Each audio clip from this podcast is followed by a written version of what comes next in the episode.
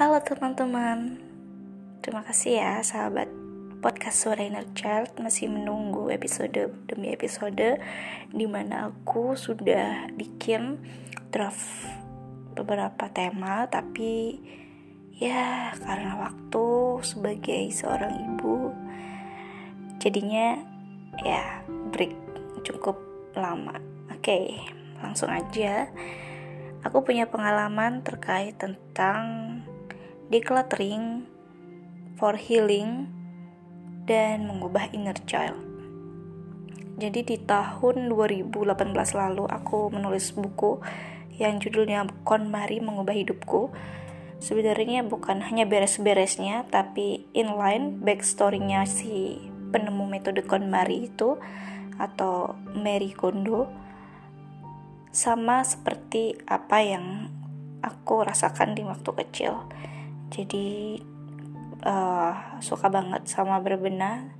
Naturally aku waktu kecil juga suka beresin rumah saudara orang dan dapat upah juga gitu sampai SMA walaupun pahit sih rasanya ya beres-beres terus kayak dianggap sebelah mata gitu. Tapi in my heart uh, itu sangat-sangat memorable. So inner child aku sangat berkaitan dengan decluttering and organizing. Atau kalau digabung jadi tidying ya. Atau berbenah.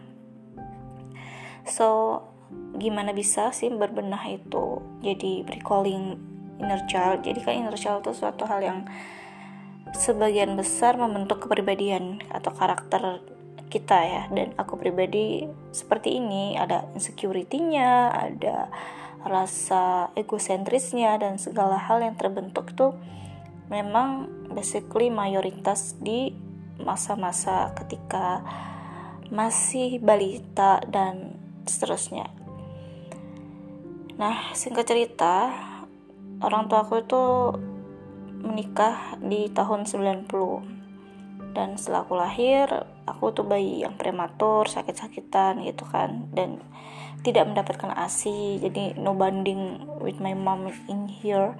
Aku sangat-sangat tidak tahu gitu ya uh, gimana sih rasanya dipeluk. Karena emang nggak ada memori itu gitu. Dan seorang ayah yang ya bad attitude lah istilahnya ya. Dan akhirnya uh, aku nggak tahu ya gimana caranya bisa menghubungi ayahku. Sampai akhirnya SMA aku memberanikan diri untuk mencari gitu ya. Karena dari kecil tidak connected ya orang tua aku pisah gitu.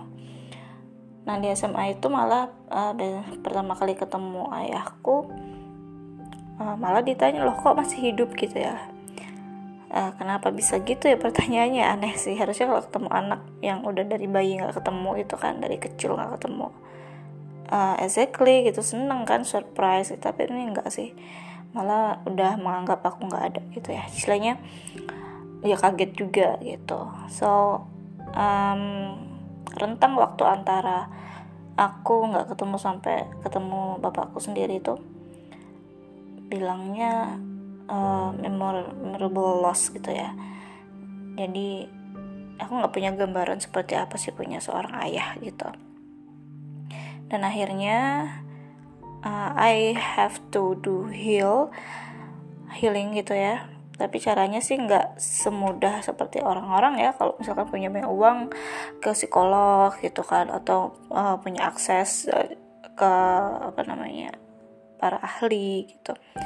Nggak ada sih. Aku lebih banyak baca buku buku-buku spiritual buku agama terus konsulnya sih paling ke guru ya. Dan itu pun nggak semua guru ya. Aku pilih-pilih banget dan overall masa-masa mudaku itu benar-benar uh, banyak ujiannya. Paling berat itu waktu SMA sebenarnya. Jadi tiap diri kita pasti ada ujiannya di titik-titik tertentu sehingga akhirnya kita bakal dapat benang merah gitu. Oh ternyata ini loh maksudnya gitu. Ketika ujian itu sudah selesai dilalui. Dan pada akhirnya kenapa berbenah gitu ya? Karena memang sebenarnya yang berantakan tuh kan kepala ya pikiran kita. Tapi kan mostly kita nggak bisa menata pikiran kita gitu loh. Kalau nggak kita wujudkan dalam suatu reaksi nyata gitu yang konkret menulis misalnya. Jadi aku waktu 2018 itu menulis tentang inner child aku di salah satu buku yang berkaitan dengan berbenah ya. KonMari mengubah hidupku. Dan di situlah aku mulai uh, real melihat sosok diriku. Oh ternyata aku kayak gini loh gitu. Dan selamanya kan memang kayak hmm, antara denial ya nggak nerima gitu. Aku sih baik-baik saja aku sih biasa ya ngapain sih mikirin yang sedih-sedih gitu kan biasanya. Nggak ternyata setelah dituliskan bener-bener heal gitu. Sebenarnya kebiasaan menulis ini sudah aku lakuin ketika aku udah mulai blogging ya. Aku suka bikin postingan di blog ya waktu itu uh, aku sempat menulis surat untuk ayahku tapi itu aku posting gitu. Karena aku nggak tahu menulis suratnya itu harus harus ke mana gitu kan. Dan masih ada suratnya aku kadang baca gitu kan. Dan terus bikin cerita gitu yang aku baca sendiri. Dan ternyata ketika dituangkan dan dibaca banyak orang oh ternyata banyak loh yang relate dengan cerita aku gitu berarti aku nggak sendirian di sini gitu jadi aku memandang inner child itu sekarang menjadi bagian dari sebuah perubahan gitu Nah, kembali lagi bagaimana menata, bagaimana menata pikiran supaya uh, bisa reparenting ya. Seenggaknya sih aku bisa mengurai dulu. Kemudian aku bisa mengasuh diriku dulu gitu, reparenting bahasanya. Nah, si inner child ini nggak bisa aku langsung oh, aku bisa berubah? Nggak sih. Uh, at least sampai sekarang aku masih terus belajar dan healing. Proses pertama adalah berbenah beneran berbenah barang-barang ya. Secara physically uh, clutter atau sesuatu yang mengganggu itu udah bisa kita pegang gitu ya. Selain benda-benda yang semrawut barang-barang semrawut uh, rumah yang nggak nyaman gitu kita ubah gitu.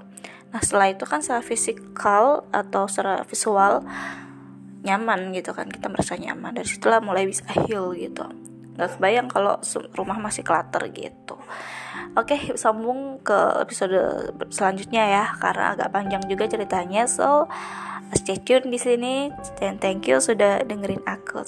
Bye bye.